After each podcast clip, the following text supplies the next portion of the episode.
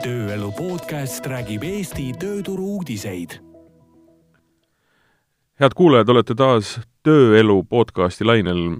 me oleme pisut muutnud nüüd formaati ja alates sellest saatest me hakkame oma saatesse ja stuudiosse kutsuma erinevate ettevõtete inimesi, et nendega rääkida sellest, kuidas nemad omale töötajaid otsivad, mis tööd teevad ja, ja, ja kuidas käib juhtimine ja, ja et saada natukene aimu sellest, et et mi-, mi-, mismoodi ettevõtted äh, sisemiselt võib-olla natukene välja näevad. et me kõik töötame kuskil ja teame, kuidas seal struktuur on, aga võib-olla kuskil on parem. ja selleks, et ähm, äh, seda, et, et esimene nii-öelda äh, saade saaks äh, lindistatud, on mul ka stuudios külaline, see on Elisa personalijuht Kaia Teemägi, kes, kes, kellega me hakkamegi arutama natukene seda, et mismoodi Elisa seestpoolt välja näeb kas, kas, kas see, see lause võib-olla kõlas võib-olla, kõlas õigesti, et töötajad on ju need, mis teevad ettevõtte, töötajad on ju need, mismoodi ettevõte seestpoolt välja näeb? jaa, ikka, et äh, tere kõigile kuulajatele. ja iga ettevõte on oma töötajate nägu, tõepoolest, nii see on. aga mm, alustaks kõige lihtsamast ja samas ka võib-olla väga keerulisest küsimust, et äh, milline tööandja Elisa on üldse? Kuidas te ise arvate, et te välja paistate ja kuidas on, on kindlasti on ka uuringuid tehtud, et äh, mismoodi teised arvavad, et te välja paistate? jaa, Elisa on äge tööandja ja äge just sellepärast, et äh, meie inimestel on võimalus äh, saada oma töös vabadus ja võtta ka vastutus. ehk siis me oleme aastaid juba töötanud selle nimel, et inimesed saaksid ise oma töölõikude üle otsustada, otsustada seda, kuidas nad asju teevad ja teha see töö enda jaoks ka põnevaks. aga mis, mis, mis see täpselt tähendab ikkagi? et nad saavad äh, teha seda, noh, minul, mina kuulsin seda, et nad saavad seda teha, mis nad ise tahavad. No, päris nii see ei ole, eks jaa, et äh, kui me räägime üldse sellest, et kuidas ühe töötaja teekond äh, oma tööelus algab, siis eks me ise ju kõik oleme samamoodi töötajad ja me tahame teha seda tööd, mis meile meeldib. ja kui see töö meile meeldib, siis see tuleb ka väga hästi välja ja inimestel on erinevad äh, isiksuse omadused, erinevad äh, eeldused millegi väga heaks sooritamiseks. ja see on üks pool, mida me igapäevaselt vaatame, ehk siis me keskendume sellele, et me püüame nii hästi kui võimalik ära kasutada erinevate inimeste tugevusi ja nad koos tööle panna ja nii saavutadagi kõige parem tulemus. mina olen ka seda meelt, et äh, väga tihti üritatakse nii-öelda ümaraid asju toppida kandilistesse aukudesse, eks ju -hmm. noh, võtta üks inimene ja et las ta teeb seda, mis meie tahame, et ta teeks, aga mitte ei vaadata selle peale, milles ta tegelikult tugev on. jah, et kõige hullem kombinatsioon ongi see, kui väga-väga hea inimene pannakse tegema täiesti valet asja või täitma täiesti valet tööülesannet. aga kas ähm, see pilt, mida inimesed arvavad Elisast kui tööandjast, kuidas sellega on, kas sellega te olete nõus? No üldjuhul küll, eks me oleme nüüd tagasisidet ka uurinud ja meie fookuspunktid viimastel aastatel on olnud paindlik tööaeg ja kaugtöö, ehk siis töö tegemine ajast ja kohast sõltumatult mm. -hmm. et siin me nüüd saame rääkida ka ikkagi teatud tööperedest, et ei ole äärmuseid, nii et äh, kõik on kusagil kaugel või kõik töötavadki ainult siis, kui nad tahavad et äh, loomulikult, kui inimene läheb Elisa esindusse, siis ta eeldab, et müügikonsultant ootab teda seal naerataval näol aga samas selleks, et need konsultandid oleksid seal naerataval näol, oleme me välja mõelnud erinevaid äh, töömudeleid siis nende mm. jaoks, et olgu see lühem tööpäev või, või paindlik graafik tuleme saate jooksul selle konkreetse asja juurde veel tagasi, aga ma tahtsingi küsida seda, et teeme natukene asja selgeks, kui palju Elisas inimesi töötab täna? tuhat. tuhat inimest? Ähm, ja kui palju, ütleme, erinevaid töölõike või kuidas on võimalik nii-öelda seda äh, kuidagi nimetada või noh, te ütlesite tööpere, et noh, kindlasti ühe, ühel pool on needsamad klienditeenindajad, kes kas telefoni teel või siis nii-öelda kontoris on, ja siis on inimesed, kes tegelikult käivad nii-öelda, teevad tehnilist tööd mm. -hmm. laias laastus meil on umbes kuuskümmend erinevat tööperet, erineva töösisu ja tööspetsiifikaga, mõned natuke sarnasemad, mõned erinevamad mm. -hmm ja noh, suurem osa nendest kindlasti on Tallinnas, aga enamasti üle Eesti, eks ju? jaa, üle Eesti ja ikkagi sisuliselt pool meie ettevõttest tegeleb puhtalt meie klientidega erinevaid kanaleid pidi, otse mm. -hmm, mm -hmm. see tuhat inimest tähendab ju ka seda, et noh, inimesi tuleb ja läheb. ikka. et kui palju on äh, nii-öelda liikumist Elises? No liiku-, aasta lõikes näiteks? liikumist on omajagu, et tegelikult eks selle voolavusega on sedaviisi, et äh, me jälgime seda, aga see ei ole meie jaoks mingi kriitiline mõõdik teatud piirini. et siin viimase Fontese palgaturu uuringu järgi keskmine voolavus Eesti ettevõtetes on kusagil kahekümne protsendi ringis, siis äh, meil on ta ka umbes sinnakanti ja tegelikult see, mis täna turul toimub, liikumisest on saamas uus normaalsus. Et sellega tuleb õppida toime tulema, mitte selle vastu niivõrd võidelda. ja noored ongi liikuvamad ja minu arust on see tore, kui inimesed käivad erinevate tööandjate juures, teevad erinevaid töid, proovivad, katsetavad ja siis leiavad oma selle parima teekonna. ja ma mäletan äh noh, meie kõigi vanaisad töötasid ühes kohas nelikümmend aastat, siis meil räägiti ju seda, et kui viis aastat vastu pidada ühes kohas, siis tuleb teha väikene kannapööre, noh nüüd vist on küsimus aastas. Jah, eks see sõltub natukene ka sellest tööjõuturule sisenemise hetkest, et kui palju on erinevaid kogemusi juba varem omandatud mm. ja, ja kas on esimene töökoht, kolmas või viies. et mida noorem inimene, seda suurem on tõenäosus, et ta soovib erinevaid kogemusi omandada ja käia, käia ringi mm. -hmm. ja tegelikult, mis on meie väga selge hoiak, mille me oleme võtnud, et äh, tublidele inimestele on meie uksed alati avatud. et see, kui ta läheb rändama, siis mööda teisi tööandjaid või kas või mööda maailma, ei tähenda seda, et ta ei tohiks meile tagasi tulla. ja meil täna on päris palju tagasitulijaid. see on jah huvitav äh, kontseptsioon, ma olen ka kuidagi, võib-olla see on mingisugune vanakooli nägemusega, et kui sa noh, lahkud kuskilt, siis sa lahkudki tegelikult hästi tobe, ma, ma olen nüüd hakanud sellest ka aru saama, et sa ei lahku ju, ei, see, see, see su, suhted ei pea ju lõppema lõplikult kunagi, eks ju. jaa, absoluutselt ja arvestades seda, et kui kiiresti meie maailm täna areneb, siis äh, kui me räägime noorest inimesest, kes on tulnud kunagi meile praktikale ja, ja töötanud meil kümme pluss aastat ja ta tahab minna maailma avastama siis minu arust on kuritegu teda kinni hoida selles ühes ettevõttes, et me ju tegelikult takistame sellega noore inimese maailmavaate avardamist. Lisaks kogemuste saamist, lisaks uh, uute asjade õppimist. absoluutselt. tulgu tagasi ja kasutage need, kasutage need äh, õpitud asjad uuesti samas kohas ära. loomulikult ja lõpuks ju saame meie selle kasu siis tiiruga tagasi. aga kui rääkida konkreetselt uh, töötajatest, siis um, kuidas uh, Elisa omale töötajaid otsib ja kuidas ta neid palkab? No otsimine ja, ja leidmine on jah, selline omavahel seotud äh, protsess, et äh, meil on väga palju neid, kes ise soovivad tulla, aga on ka neid, keda me kutsume enda juurde. ja loomulikult üks, üks selliseid atraktiivseid tõmbenumbreid ongi seesama paindlikkus. et äh, meie, meie elud on nii kiired ja tempod on nii kiired, et inimesed ikkagi otsivad neid võimalusi, et kuidas nad saavad oma päeva ise rohkem mudeldada ja ka leida oma need kõige sobivamad tööviisid, millal ja kus ja mis hetkel nad on äh, kõige efektiivsemad. ja teine asi, mis me, mis me oleme siin inimeste otsingul silmas pidanud, on ikkagi see, et äh, tegelikult äh, teadmised ja oskused on omandatavad, et kõik on õpitav mm., aga ikkagi see teekond algab suhtumisest ja hoiakutest ja ka huvist valdkonna vastu. ja see on alati jah, ma olen, ma olen üks asi, mis veel on huvitav, on see, et äh, ähm, ütleme, töö valimisel või, või, või, või töö nii-öelda äh,, ma ütlen siis, töö, töövestlusele minnes või, või, või kellegagi seda suhet alustades on alati lihtsam ennast pisut äh, võib-olla tragimaks äh, nii-öelda muuta. sest et kui see uks on lahti, siis täpselt samamoodi, nagu te ütlesite, et äh, õppida on võimalik kõik asjad selgeks. aga kui võimalust ei anta, siis äh, siis ei ole ka võimalik äh, ennast proovile panna ega ka, ega ka tõestada, eks ju. jaa, ja ma olen endagi tiimi värvanud inimesi täiesti teadlikult, kes äh, olen kutsunud personaliosakonda tööle inimese, kes elus tegelikult personalitööd teinud ei ole vaid on juhtinud täiesti teist valdkonda ja samamoodi ka inimest, kes tegelikult telekomi valdkonnast või, või meie, meie IKT valdkonnast ei tea sisuliselt mitte mm -hmm. midagi.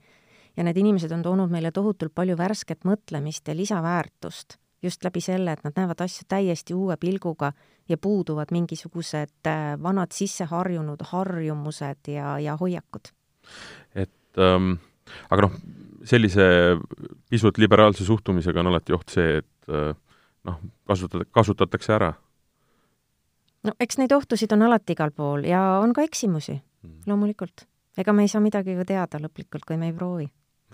aga hoiakute ja suhtumiste ja sooviga öö, oma amet selgeks saada või õppida on noh, see on, see on mm, see, see tuleb hästi konkreetselt nii-öelda isiku enda omadustest, aga tuleb ka vanusest.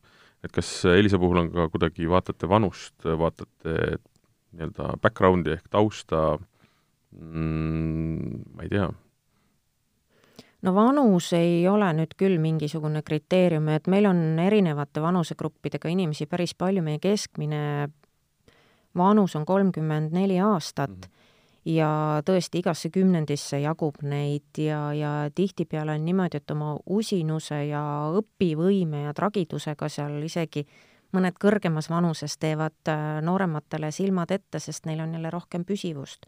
mingitel ametikohtadel see ongi oluline ja noh, mis nüüd tausta puudutab, siis äh, mida rohkem erinevaid äh, kogemusi on, siis täna ma ütlen, et see on, on isegi hea.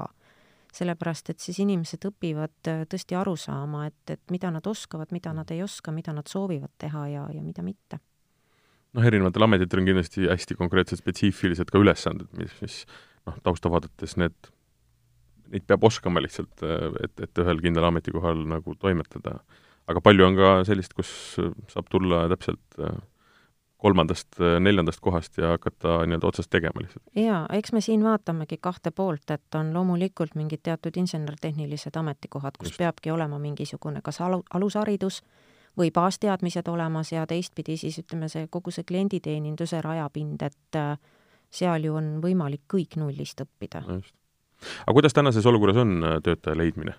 on see vaevaline protsess või äh, või oh, nagu, nagu me enne rääkisime, et Elis ongi nii, nii tore ja nii äh, äh, positiivse kuvandiga ettevõte, et kõik inimesed tahavad tulla tööle teile? eks ta väljakutseline on ju kõigile, sest tööd on rohkem kui inimesi, kes äh, võiks seda ära teha ja see ei ole ainult äh, Elisa teema, see on kõikide teema ja konkurents on päris kõva. ja inimesed väga palju otsustavad ikkagi emotsiooni baasil et kas neile meeldis mhm. ja kuidas neile meeldis ja milline on see tulevikuperspektiiv. kuna tegemist ei ole Eesti ettevõttega, siis kui rahvusvaheline on Eesti Elisa?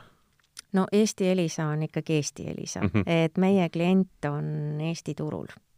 et jah, tõepoolest meie emaettevõte on Soomes ja on palju teisi tütarettevõtteid ja harusid üle maailma aga meie siin toimetame ikkagi kohaliku kliendiga peamiselt. aga ma mõtlen äh, just töötajate koha pealt mm,. täpsusta palun. et kui, kui äh, nii-öelda rahvusvaheline, kui palju erinevaid rahvuseid Elisas äh, Eesti poole peal töötab?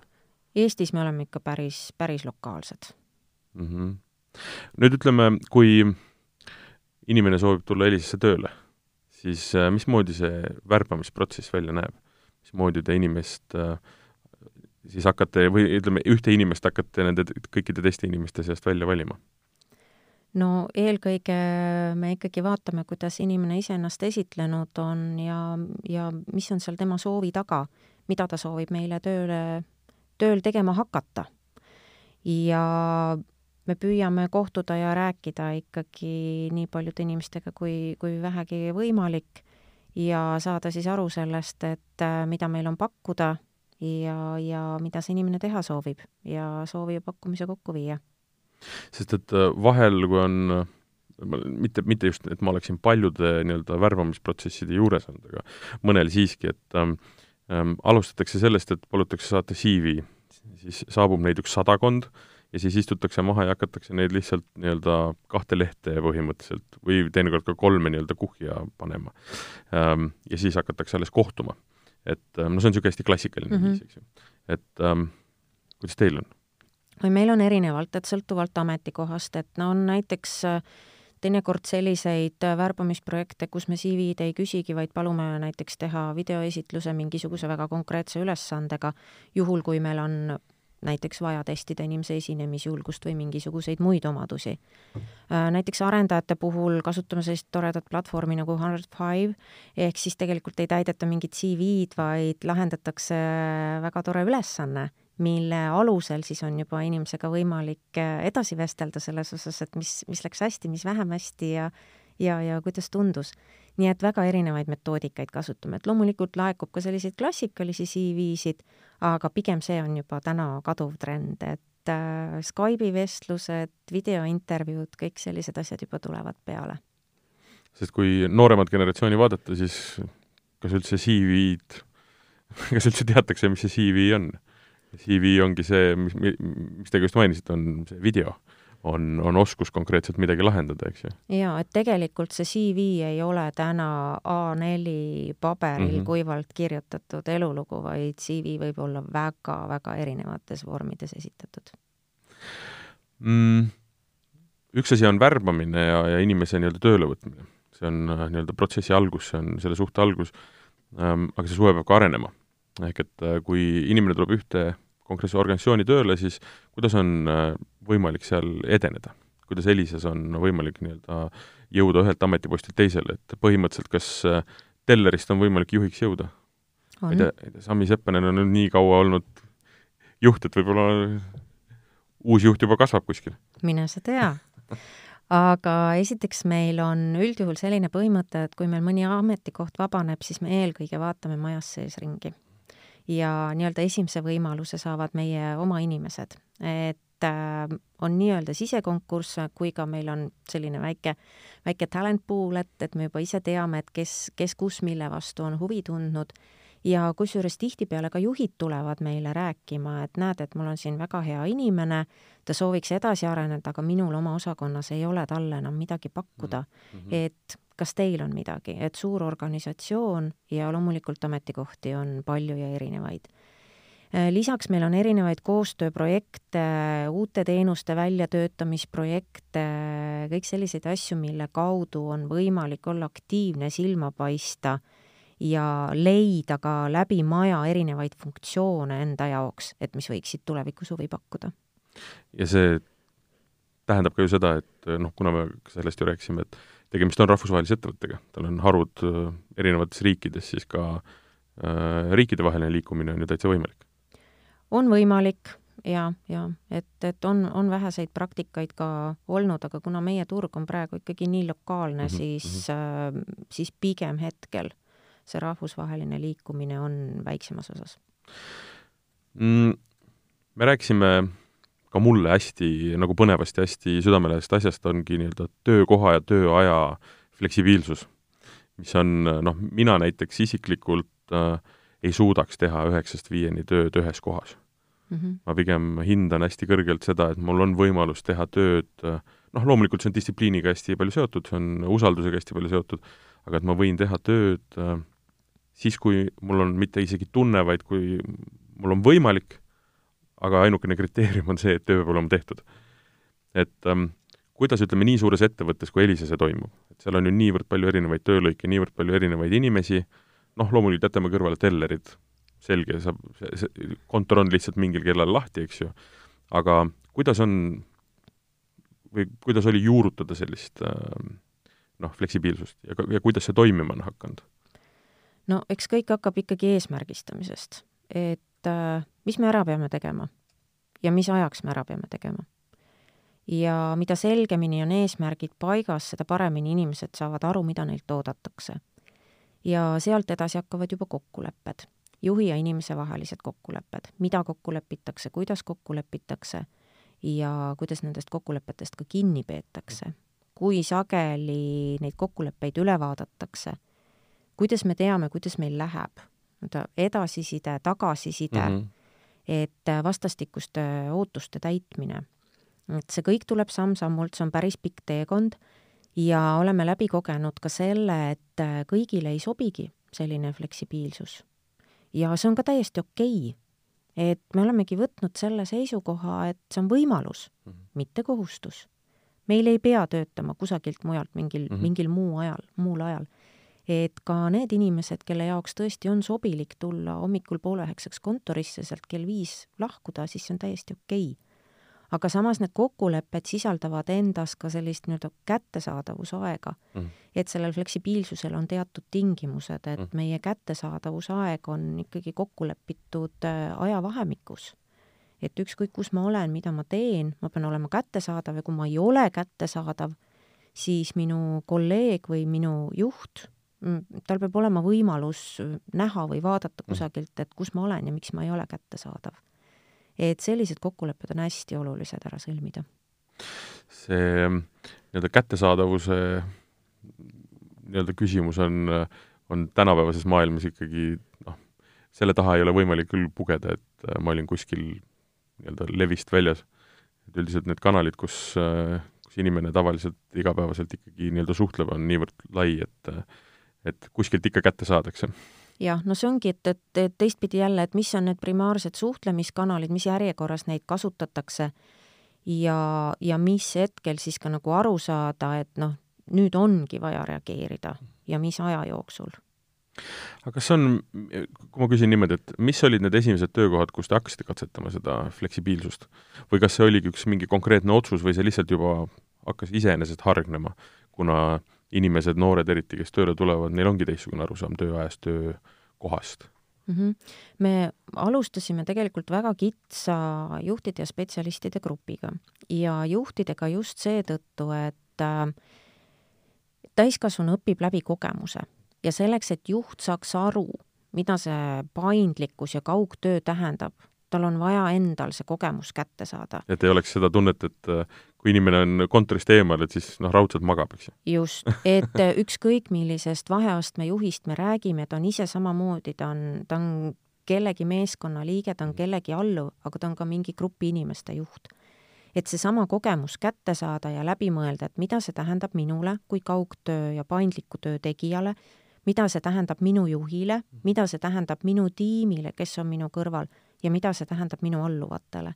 Sest ükski juht ei saa hästi oma inimesi juhtida, kui ta ei suuda iseennast ära juhtida mm. ja kui ta ei tea tegelikult, mida need võimalused endaga kaasa toovad, milliseid positiivseid, aga ka võib-olla vähem positiivseid pooli, kui ta ei ole seda ise läbi teinud, nii et see kogemuse kättesaamine oli, oli nagu kõige olulisem. ja see grupp, kui suur see grupp oli, kellega te alustasite?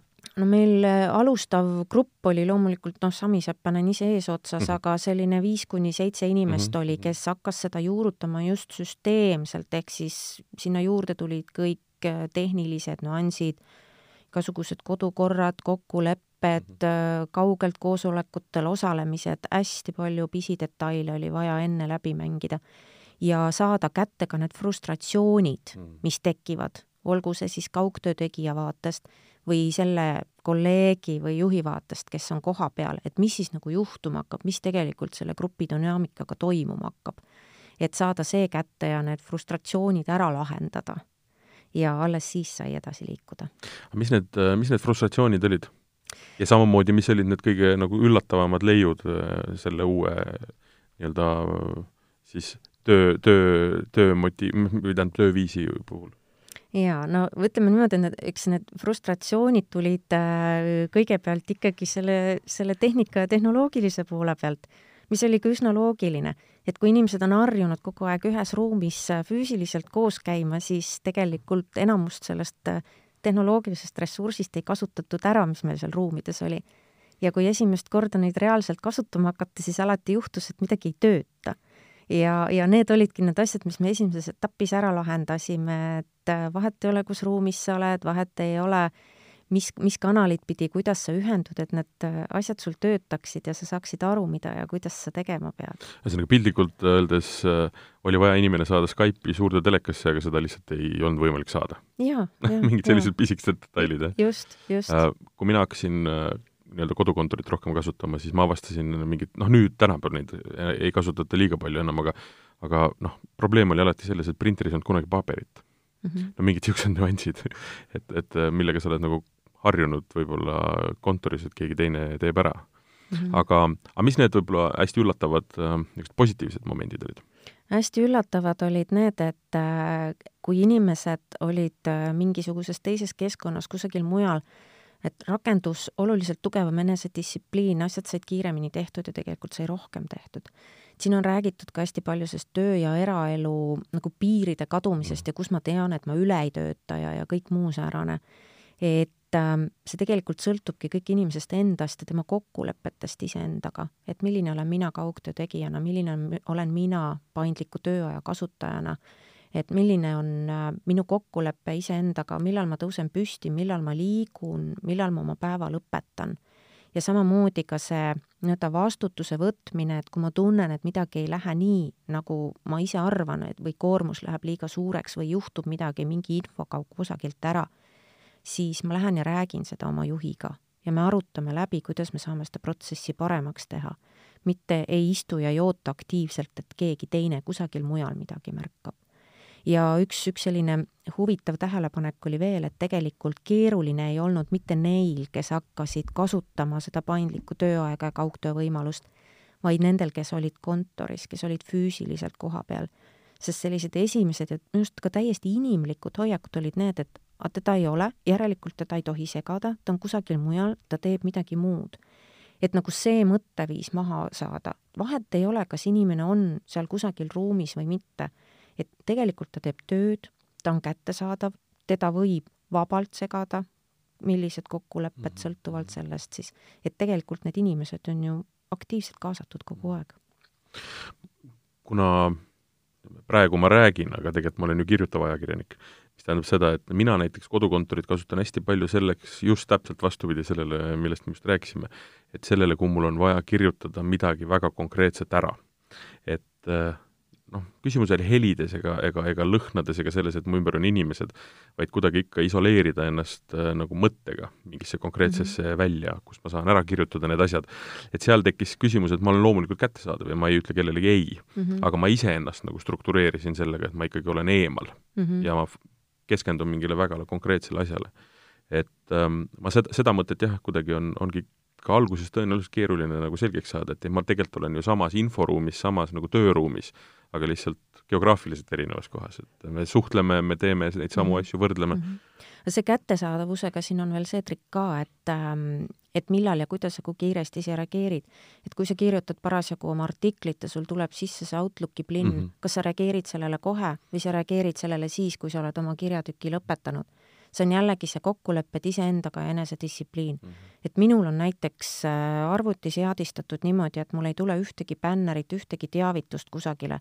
ma lähen sinna postkasti, noh, vanamoeliselt ma lähen postkasti ajalehe järgi, eks ole, ma lähen sinna postkasti mm -hmm. neid kirju vaatama. sest mul tuleb keskmiselt kuskil seitsekümmend kuni sada emaili päevas ja kui need bännerid kogu aeg seal plingiksid, siis see tähendab seda, et sisuline töö jääb tegemata, sest ma kogu aeg operatiivselt reageerin millelegi. Et jällegi sõltuvalt sellest töö iseloomust ja ka see, et kui ma nüüd lepin endaga kokku, et nüüd ma teen järgmise kahe tunni jooksul need asjad ära, kas ma pean iseendaga sellest kokkuleppest kinni või ma lasen nendel erinevatel vidinatel ennast segada.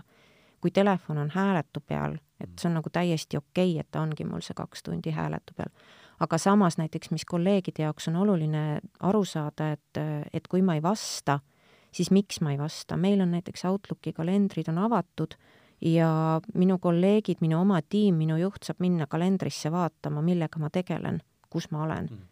et jällegi ka minu enesedistsipliin, et kui ma tahan, et mind see kaks tundi ei segata, siis see tähendab seda, et minu kalender on up to date ja sealt on võimalik vaadata, et mul on praegu, ma olen praegu stuudios raadiosaate salvestusel ja ma ei vasta telefonile, mis siis, et mul telefon tiriseb ja inimene, kes tahab mind kätte saada, ta saab vaadata, et ma olen hetkel Delfi raadios ja mm -hmm. tõenäoliselt sellepärast ma ei vasta. aga see nii-öelda avatud kalender oli ka üks selle nii-öelda, selle töölahenduse osa või see oli juba varasemalt olemas? E, see tuli meil selle lahenduse käigus, sest tekkiski see vajadus äh, nagu aru saada, et, et, et kus kohas siis inimesed on ja millega nad tegelevad. Ja see on hästi palju ka usalduse teema. Et loomulikult alguses oli hirmusid, et noh, mis ma sinna kirja panen, inimesed kartsid, et äkki hakatakse mingisuguseid nii-öelda libaülesandeid sinna sisse panema ja nii edasi, aga, aga tegelikult kui ähm, kui seda usaldust ei kuritarvitata ja, ja peetakse kokkulepetest kinni, siis täna on kalendrid täiesti ausad ja avatud ja seal sees on ka isiklikud asjad ja kui lõunapausi ajal on kirjutatud sinna hambaarst, siis see on, on täiesti okei okay, mm, -hmm. sest äh, töö saab hiljem tehtud või mingil muul ajal. et ei ole, see on hästi oluline ka selle juures täpselt, et äh, no see, see toob meid natukene selle nii-öelda juhtimispõhimõtete juurde ka, et ka juht ei saa ju nii-öelda mikromanageerida absoluutselt. et, et kuna, kuna nüüd me oleme teinud sellise kokkuleppe, ma olen tulnud sulle meeletult vastu, lubanud sul nii-öelda mitte teha kontoris tööd, et siis ma pean jumal kindlalt iga minut teadma, kus sa oled, mis sa teed ja, ja noh, see on kõik, peab olema nii-öelda märgistatav ja, ja, ja nagu salvestatav, eks ju mm -hmm ja sellisel juhul, sellisel puhul näiteks ütleme, juhtimises me kasutamegi üks-ühele vestluseid erinevates tiimides erinevate inimestega on see intervall erinev, et kes teeb kord kuus, kes teeb kolme nädala tagant, kes kahe nädala tagant. aga selle üks-ühele vestluse eesmärk ongi nii-öelda teha niisugune väike tagasivaade eelnevale perioodile ja sõlmida uued kokkulepped järgnevaks perioodiks. ja kui sellest tekib regulaarsus, oma rütm ja oma rutiin siis esiteks kaovad ära sellised nii-öelda ad hoc segamised, et ma pean nüüd ootama, millal keegi on või kas ta on nagu kättesaadav. ma tean, et minul on kahe nädala pärast oma tiimiliikmega aeg kokku lepitud ja kõik teemad, mis ei põle, ma kogun kokku ja me saame väga operatiivselt ja oluliselt ajaefektiivsemalt need asjad räägitud, selle asemel, et kogu aeg pendeldada kusagil edasi-tagasi ja samamoodi, et kui see rutiin ilusti töötab, eesmärgid on täidetud siis noh, ei olegi vaja mikromanageerida. Mhm. ja samamoodi, kui midagi ei tööta või, või üks või teine pool on rahulolematu, siis see on jälle see koht, kus tuleb need asjad selgeks rääkida. just selleks, et saada nagu võimalikult varases äh, staadiumis nendele asjadele pihta ja mõelda, et mida me saame teha teistmoodi ja paremini. aga nüüd korraks vaadata väga konkreetselt, äh, ütleme, selle fleksibiilsuse taha, et mida see täpsemalt tähendab, et kuidas see siis on, et ähm, kas ähm, ähm on selline võimalus olemas või mis, mis need äh, nii-öelda äh, siis äh, paindlikkuse kraadid on, kas on ka inimesi, kes ongi täna töötamas ainult kodust näiteks? jah, mõned on. et ühesõnaga, võtsidki nii-öelda oma seitse asja ja nende kontor on kodus erinevatel põhjustel, see ei ole ka oluline, eks ju, ja, ja saavad niimoodi kõik oma asjad ära tehtud? jah, et pigem see täiesti kuskilt mujalt töötamine ongi tulnud eluga kaasa, ehk siis inimesi ei ole mitte kusagile saadetud, aga elu on läinud niimoodi, et nad on pidanud kolima teise kohta. ja olemegi mõelnud, et aga noh, kui iseenesest see töö iseloom võimaldab, et miks inimene siis ei või oma tööd kaasa võtta, et tegelikult töö on teise asukohta kaasa võetud. ja toimib. et tema füüsiline nii-öelda dislokatsioon või eemaldumine ei tähenda seda, et ta peab töölt ära minema?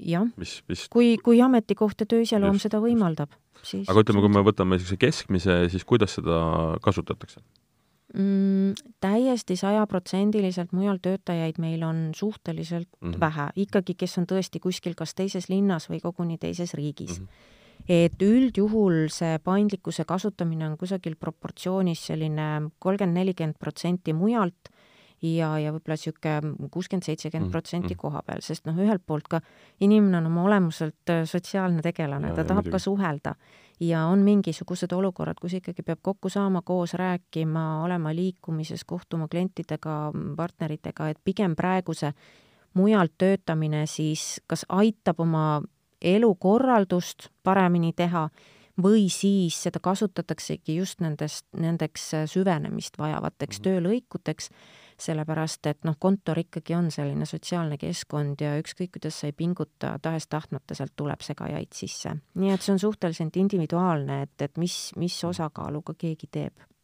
sest noh, see psühholoogiline osa on seal äärmiselt oluline, et äh, ikkagi kui oled päev otsa nii-öelda olnud ise, iseendaga, siis järgmine päev tööle tulles on ikka rõõm suurem ja, ja seda võrra ka tegelikult nii-öelda töökeskkond ju parem üldises mõttes. jah, nii on. aga kui äh, mm, nüüd üks asi on nagu töökoht, eks ju, aga nüüd on ka tööaeg. ehk et ähm, noh, kuidas selle, kuidas selle poolega on, et kas on ka päris inimesi, kes on teada, et ta on, sest üks asi, mis on ju tegelikult äh, hästi lihtsalt äh, teaduslikult tõestatud, on see, et inimene on kõige produktiivsem kümne ja kella nelja vahel umbes.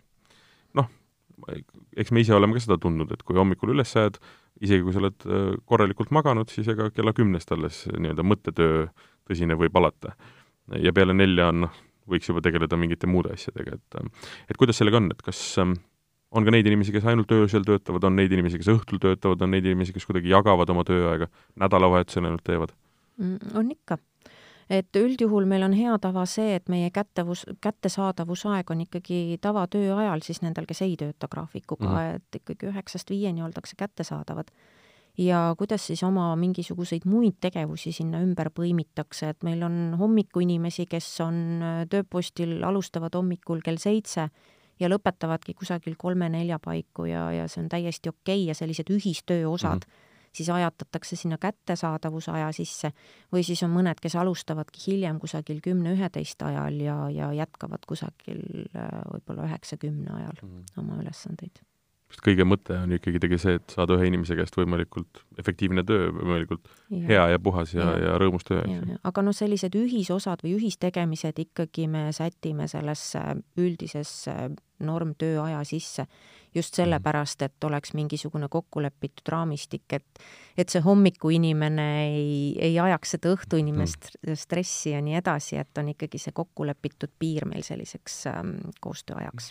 nagu mul kunagi oli ülemus, kes Äh, mingil põhjusel avastas reede õhtul kell kümme, et tema on nüüd kõige aktiivsemas äh, töö tegemise meeleolus.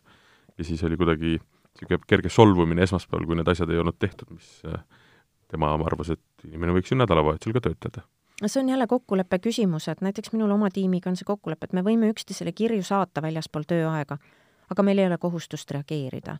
et reageerimiseks on täiesti nii-öelda eraldi tingimused või tingmärgid kokku lepitud, et millal ja kuidas et kui mina õhtul kell üheksa, kümme saadan email'e välja, siis see on nagu minu teema mm. -hmm. ja kui ma need välja saadan, siis ma tean, et ma ei, ei oota vastust enne kui järgmisel tööpäeval. ja see on jälle puhas kokkulepe. aga nüüd, kui korraks võtta see teema kokku, et äh, kui me võtame siin nii-öelda selle fleksibiilse aja ja fleksibiilse nagu töökoha, et et äh, kaua see täna kestnud on niimoodi suuremas mastaabis? No meie oleme seda aktiivselt kasutanud juba pea viis aastat. ja kuidas see, kuidas need tulemused on, kui neid äh, natukene analüüsida ja vaadata? tulemused on väga head, inimesed on äh, produktiivsemad, meie äritulemused on ka oluliselt paranenud, et me tegelikult saavutame vähem, aga rohkem. ja teine asi, mis me oleme avastanud, et kui on ka selliseid kaugelt koosolekutel osalejaid ja üleüldse selliseid virtuaalkoosolekuid, siis inimesed on efektiivsemad. virtuaalkoosolek on oluliselt lühem kui füüsiliselt kohale tuldud koosolek näiteks. kindlasti olete mõõtnud ka seda, et kuidas inimeste tervis on, kuidas nende haiguspäevade hulk on, kuidas on nende üleüldine valmisolek, ütleme noh, eks, eks äh, ei ole ju kunagi keegi teinud kohustuslikuks olla nii-öelda jõulupeol kohal aga noh, see mhm. osavõtt ikkagi näitab seda, milline see on, milline on sinu suhe või milline on sinu suhtumine sellesse ettevõttesse mm. -hmm. Neid olete ka kindlasti vaadanud, neid aspekte? ikka vaatame jah, et, äh, et see nii-öelda haiguspäevade arv on ka meil siin aja jooksul äh, vähenenud, aga ikkagi me tööandjana vaatame seda, et kui inimene on haige, siis las ta puhkab ja ravib ennast välja. et hea küll, kui me räägime siin mingist jalaluumurrust või sellisest asjast, mis tegelikult seda mõtet ja ärksust ei, ei muuda mm, -hmm. siis äh, loomulikult inimene saab ise valida, millal ja kuidas ta oma need tööülesanded ära täidab, aga reaalselt, kui me räägime siin gripihooajast ja muudest asjadest, siis me ikkagi pigem eeldame seda, me ajame inimesi kontorist ära, kes seal köhib, et mine nüüd palun koju, joo sooja teed ja ravi ennast ja tule kolme päeva pärast tagasi rõõmsa ja tervena, kui, kui seda, et me eeldame, et inimesed äh, palaviku ja kehva enesetundega kuidagimoodi oma asjad ära teevad mm. -hmm. nüüd um, üks aspekt selle juures üleüldse nii-öelda töötamise juures, kui me seda nii-öelda töökaart pidi lähme, eks ju, et algab suhe, mingil hetkel ta saab läbi, aga seal vahepeal on terveid mõnikord aastakümneid, eks ju, äh, koos asjade tegemist, et um, üks asi, mis um, um, on, on nii-öelda võidud, aga on ka kaotused, eks ju, et kui ütleme, räägime mingite apsude või, või vigade tegemisest, et mm -hmm. et noh, hästi lihtne on inimesega töösuhe lõpetada tõmbame joone vahele, kindlasti on neid olukordi ka, aga ütleme, kui rääkida Elisast ja ütleme, kui inimene teeb vea tööl milline teie suhtumine on sellesse? sest no. võitudega on alati võimalik ju hästi lihtsalt hakkama saada. ja, ja et meil Sami Seppanen on nii toredasti öelnud, et viga on kingitus mm.. ja kingitus just selles mõttes, et äh, sellest on võimalik õppida. ja meil ongi eelkõige see hoiak, et äh, vigadest õpitakse, me analüüsime erinevad apsakad läbi, noh, loomulikult ei tohi kogu aeg ühes ja samas ämbris ringi kolistada, et, et see ei ole aktsepteeritav mm. -hmm aga tahes-tahtmata ju tegijal juhtub. ja kui me suudame välja mõelda ja välja kaevata need juurpõhjused ja teha ka plaani, et äh, mida oma protsessides või töö tegemises muuta, mida me saame paremaks teha, mida me saame teha selleks, et see viga enam ei korduks, siis äh, see on ju ainult positiivne ja edasiviiv jõud.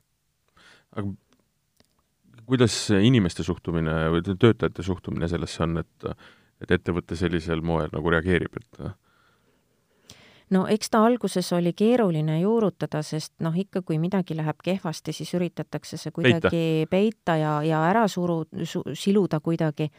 Aga samas näiteks vigade analüüsimisel me oleme kasutanud erinevaid metoodikaid, noh, üks võib-olla kõige lihtsamaid metoodikaid on viie miksi metoodika, et, et miks see asi juhtus ja mida ta tegelikult mõjutas ja sealt teistpidi tagasi tulla.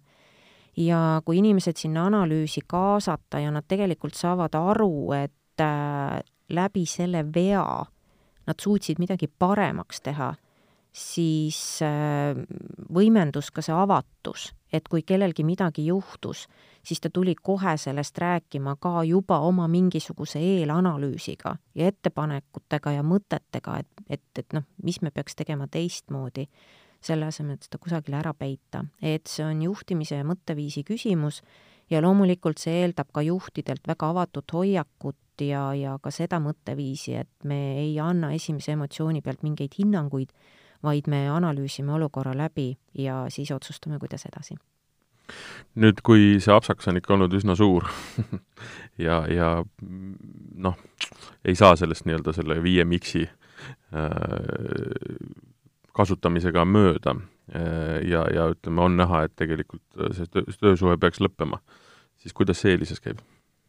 no ütleme, et sellised olukorrad saavad tulla, tulla ainult juhul, kui rikutakse seadust paraku seda vahel juhtub, nüüd äh, meil, meil on, on seadused väga erinevad ja see on nagu see koht, et kus, kus ei ole seda halli ala. aga mida me ikkagi teeme inimestega, on see, et me kuulame ära kõik erinevad osapooled ja tihtipeale sellisel väljaaitamisel ikkagi me koos inimesega mõtleme ka läbi, et kuhu siis edasi minna, mida teha, kuidas ja teinekord me räägime ka sellest veakommunikatsioonist, et kui on olnud mingisugune eksimus, me lepime kokku, et kuidas me sellest räägime majas sees, kuidas ta räägib oma kolleegidele ja kui ta ka kusagile tulevikus kandideerib, et äh, kuidas ta peegeldab seda oma uuele tööandjale, kui see on üldse vajalik mm. -hmm meil on siin üks äh, uuring, mida me oleme eelmistes saadetes ka kajastanud, CV Online tegi uuringu, küsis erinevaid äh, nii-öelda tööandjaid ja töövõtjaid erinevate küsimuste osas ja sealt näiteks üks asi tuli välja, et et noh, niisugune kolmandik äh, kõikidest inimestest kõikides ettevõtetes on kogu aeg nagu uut tööd otsimas. ja minule tundus see nagu päris suure numbrina, noh, see ei tähenda muidugi seda, et nad kogu aeg kellegagi kuskil vestlemas käiksid, aga noh, neil nagu, nagu silmapiiril midagi, midagi hoitakse, et ähm, kas see on, on see normaalne su-, suurus või, või või või, või mis, mis on tehtud valesti et need, need inimesed on tegelikult niimoodi nagu, kuidas öelda uh,, uh, uh, ära hüppamas on nagu vale sõna, aga ütleme, otsimas midagi uut? No siin on hästi erinevaid lähenemisnurki, et esiteks, et mis, mis segmentidest me räägime, et on hästi oluline ja mm -hmm. ja, ja kui me räägime pigem sellistest hästi lihtsatest töödest, võib-olla pigem madalapalgalisematest inimestest, siis minu arust on see täiesti normaalne, et nad kogu aeg vaatavad ringi ja, ja isegi liiguvad oma viiekümne euro pärast ühe tööandja juurest teise juurde. et paraku see meie, meie palgaturg täna selline on. Aga teistpidi ikkagi pigem sellistel spetsiifilistematel spetsialistide kohtadel on eelkõige kriteeriumiks huvitav töö ja seal võivad olla jälle teistsugused põhjused, et on olemasoleva tööandja juures näiteks lagi ette tulnud, tahetakse teha midagi muud, tahetakse mm. ringi rännata nii et neid põhjuseid võib olla seal väga erinevaid taga. aga jah, ma arvan, et umbes, umbes nii see võib olla. aga see, et nad ringi vaatavad, ei tähenda seda, et nad reageerivad mm. -hmm. Ja nad kohe hakkavad kuskile minema. või nad inimestega rääkimas käivad. aga filosoofilisem küsimus ka, milline töötaja eestlane on äh, eestlane on tegelikult üks äh, tubli töötegija ja üldjuhul ikkagi päris kohusetundlik ja kui ma räägin nüüd sellisest võib-olla erinevate generatsioonide peale vaadata, siis äh, sellised huvitavamad trendid ongi, et võib-olla niisugused juba kolmkümmend, kolmkümmend viis pluss inimesed on pigem stabiilsemad töörügajad ja nooremad on äh, üldse mitte halvas mõttes ebastabiilsemad, aga nad on rohkem liikuvamad, nad on agiilsemad ja nad on ka kiiremad õppijad, et nad haaravad kõike lennult ja nad on rohkem multifunktsionaalsed nii et sellised ähm, juba päris erinevad töötegijad on. mis tähendab seda, et äh, noh, nagu öeldakse, et ideaalne tiim on see, kus on nii mehi, naisi kui, kui noori-vanu ja erinevast rahvusest, siis see eestlaste puhul peab ka nii-öelda paika, et tegelikult ühes nii-öelda meeskonnas võiks olla nii noori kui vanu, eks ju. aga äh, veel ütleme, küsimus ongi selles äh, distsipliinis uuesti, et ähm, ähm, noh, üks asi on, on see, et on tubli töötaja, teine asi on see, et kui anda nii-öelda võimalus kummi venitada, siis kummiga venitatakse. et ähm, kuidas äh, ütleme, ka Elisa puhul oli see, et äh, et need inimesed ikkagi teevad oma töö ära. seda oli vaja väga palju motiveerida või, või, või ongi, ütleme, kui me räägime ka töölevõtuprotsessist, et noh, mhm. kui, et, et on, et, et, et lahkujaid on need, kes ütleme, oma soovilt, Elisast konkreetselt räägime, on need, kes tahavad minna maailma vaatama või või mingit muud asja tegema ja vallandatakse või noh, töösuhe lõpeb nendega, kes on seadust rikkunud, siis kas tähendab see seda, et te olete selle töölevõtuprotsessi viinud nii detailselt, täpselt, et te võtategi tööle ainult inimesed, kes jäävadki teile või noh, kellega ei ole probleeme, kes on distsiplineeritud ja kellega saab nii-öelda seda fleksibiilsust äh, rakendada? no ega seda sada, sajaprotsendilist tõde ju tegelikult kohe alguses tuvastada võimalik ei ole. ja eks ähm, eks kogu see töökeskkonna loomine on eelkõige ikkagi juhtimisharjutus ja väljakutse juhtidele mm. -hmm. et ega, ega siis personaliinimesed ei võta inimesi tööle, inimese võtab tööle ikkagi juht oma tiimi mm, -hmm. värbab ja, ja peab arvestama nende erinevate isiksuse omadustega ja noh, millega meie saame abiks olla, me saame abiks olla sellega, et me aitame vaadata, et et õige inimene saaks õigesse tiimi, õigele kohale õiget tööd tegema mm. -hmm ja, ja aga noh, tihtipeale on ka see, et ega me ei saagi teada enne, kui mõni aeg on koos töötatud ja koos elatud, et ega töösuhe on täpselt samasugune nagu ükskõik milline teine suhe. et võib alata suure vaimustusega, aga, aga lõppeda pettumusega ja seda ka vastastikku mm. -hmm. ja minu arust pigem oluline ongi see, et kuidas väärikalt lahku minna. et see, et üks või teine pool ei, ei sobi omavahel, see on ka täiesti okei okay ja, ja pigem ongi, me oleme võtnud veidike ka sellise nagu missioonitunde endale, et aidata siis äh, inimestel aru saada, et kus on see koht, kus neil on parem ja mis on see töö, mis neile paremini sobib. see on äh, täiesti õige, et meil noh, mitte ainult meil, aga üleüldse maailmas ju fetišeeritakse nii-öelda alguseid mm. -hmm. et see on suur asi, hakkame koos tegema ta-ta-ta ja lõpud alati on nagu noh, eriti ütleme, kui me räägime meediakajastusest, siis noh, lõppudest väga ei räägita kuigi see on täpselt samasugune moment, protsess ja see on samamoodi loogiline asi, seda ei tohi mhm. karta. absoluutselt, ja täpselt nii, nagu me teeme töölevõtte, võtu intervjuusid, me teeme mm -hmm. ka lahkumisintervjuusid inimestega. ehk siis me tegelikult räägime nendega päris pikalt, et milline oli nende tööteekond ja, ja kuidas nad nüüd Elisat näevad, siis kui neil juba tegelikult no üks jalg uksest väljas on, et see on ka väga-väga väärtuslik ja oluline tagasiside. kui peaks ütlema kolm asja, mis äh, muudavad Elisa eriliseks tööandjaks, siis mis need oleks mm? -hmm. enesekiitust ka ikka natuke. jaa ähm,, võimalus otsustada, võimalus kaasa töötada ja võimalus läbi uue tehnoloogia ja erinevate võimaluste maailma muuta.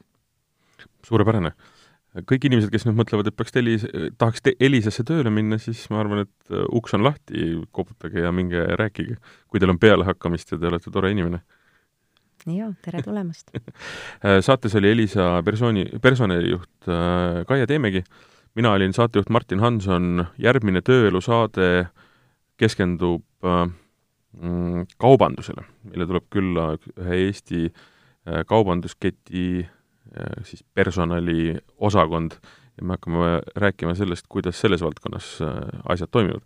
seniks aga kena sügist! tööelu podcast räägib Eesti tööturu uudiseid